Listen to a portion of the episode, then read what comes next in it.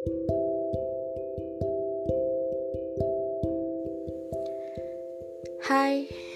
selamat malam semua penikmat podcast. Ini podcast pertama saya. Di podcast pertama ini, saya belum ingin memberitahu identitas saya. Yang jelas saya adalah mahasiswi Fakultas Hukum dari Sulawesi. Podcast saya ini sepertinya tidak ada tema khusus, saya ingin buat sebuah podcast yang random sesuai apa yang ingin saya bagikan sama kalian. Karena tiap harinya kita pasti menemui atau mengalami hal-hal atau peristiwa yang ingin kita luapkan dari isi kepala perasaan, pengalaman, bisa berupa sebuah perspektif akan sesuatu. Bisa mungkin diskusi mengenai hukum sesuai basic keilmuan saya sebagai mahasiswa hukum. Kehidupan sehari-hari, apa pun itu. Oke.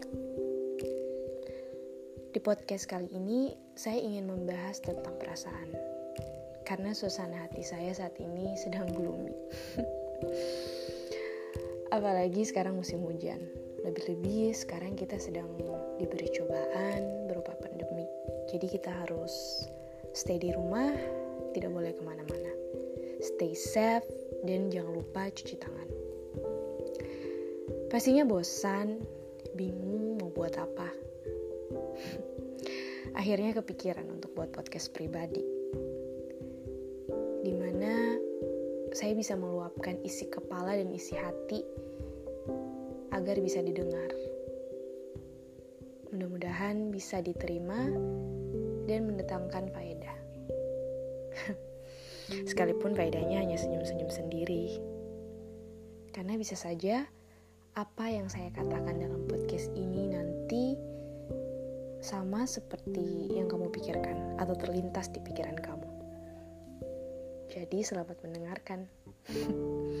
oh ya, podcast pertama ini adalah monolog karena kebetulan saya lagi sendiri, tapi tidak menutup kemungkinan di podcast-podcast selanjutnya, kalau misalnya saya masih mau tetap aktif di podcast, saya akan bikin podcast yang isinya dialog.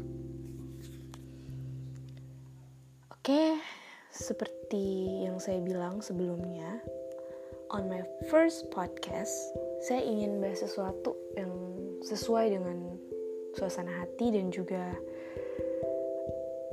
arah logika aku saat ini. Iya, perasaan. Lebih tepatnya cinta. Kata yang zaman sekarang ini terdengar klise, bahkan basi. Bahkan cenderung menjijikan mungkin atau memuakan. Ya, tapi di dunia ini siapa yang tidak butuh cinta?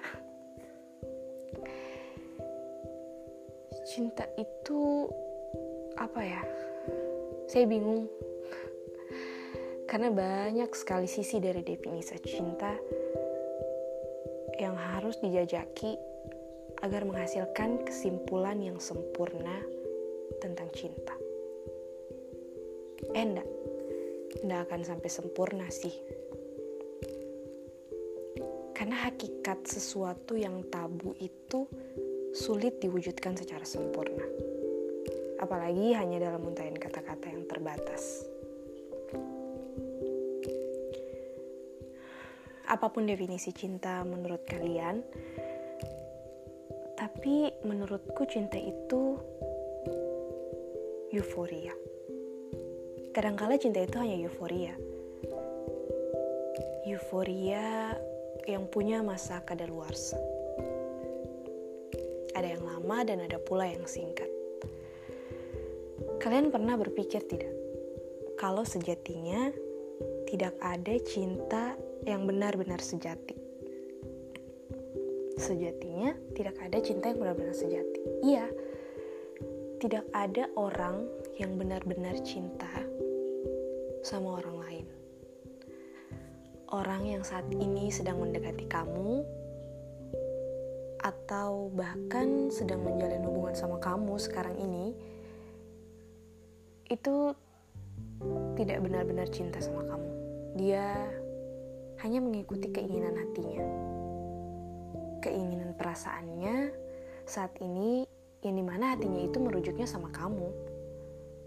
Iya, namanya ego.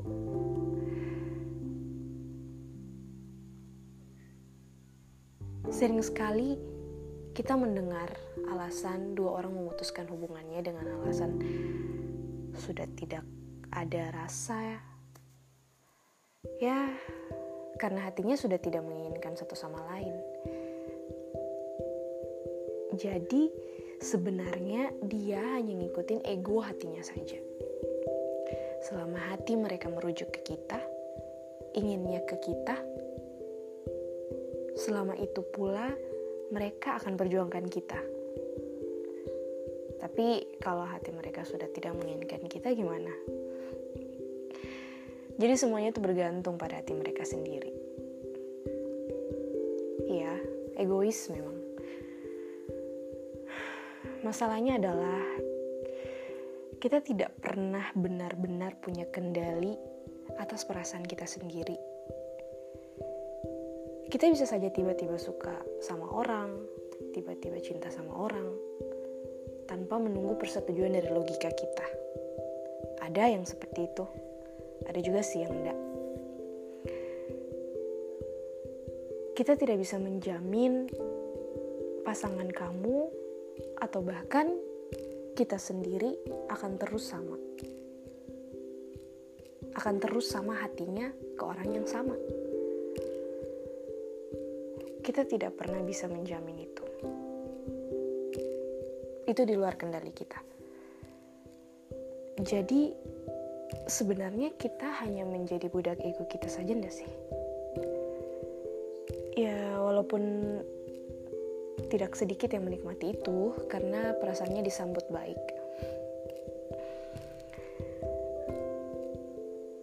Mungkin ada yang nanya, kalau begitu, kalau cinta itu hanya euforia, kalau cinta itu bisa tiba-tiba datang, bisa tiba-tiba pergi, kenapa ada pasangan bisa bertahan lama? Kenapa ada suami istri yang bertahan sampai kakek nenek? Jawabannya, menurutku, itu bukan lagi hanya tentang cinta, tapi komitmen.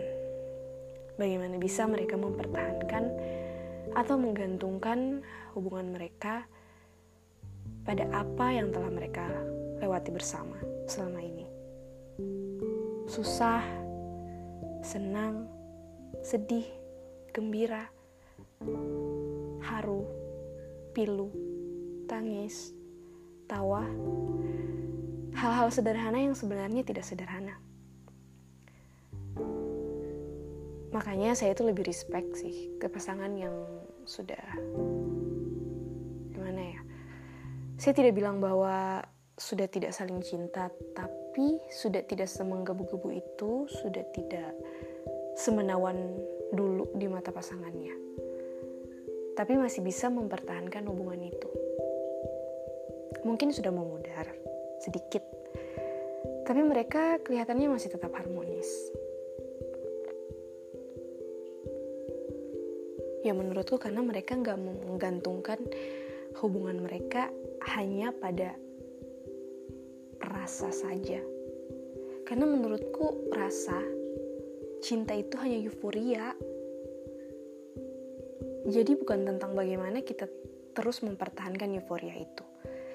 Karena euforia itu sejatinya biasanya normalnya hanya sementara. Agar hubungan tetap awet, menurutku bukan dengan membuat euforia itu terus lekat feelnya tapi bagaimana bisa kita sadar bahwa cinta itu kadangkala biasanya kebanyakan hanya euforia. Kita harus sadar itu. Dengan begitu, kita tidak akan terlena ketika cinta datang mempersembahkan kita rasa yang sangat manis. Karena kita sadar itu hanya sementara dan sisanya adalah usaha. Usaha untuk tetap bersama.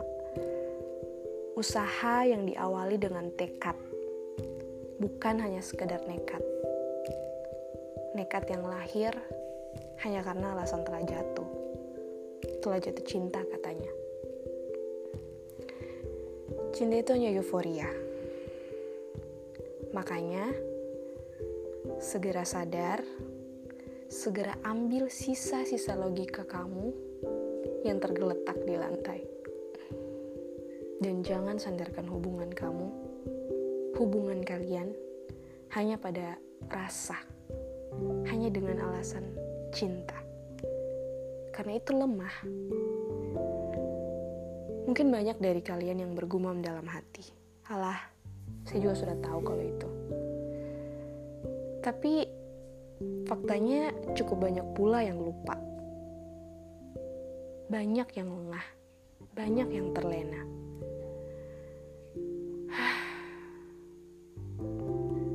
Semoga kita tidak pernah kehilangan diri kita karena cinta. Jangan biarkan orang-orang lemah orang-orang yang silau oleh euforia mencuri hati kamu dan membawanya pergi ketika ego hatinya sudah tidak memihakmu. Karena seyogianya hubungan yang baik itu mengisi, bukan mencuri.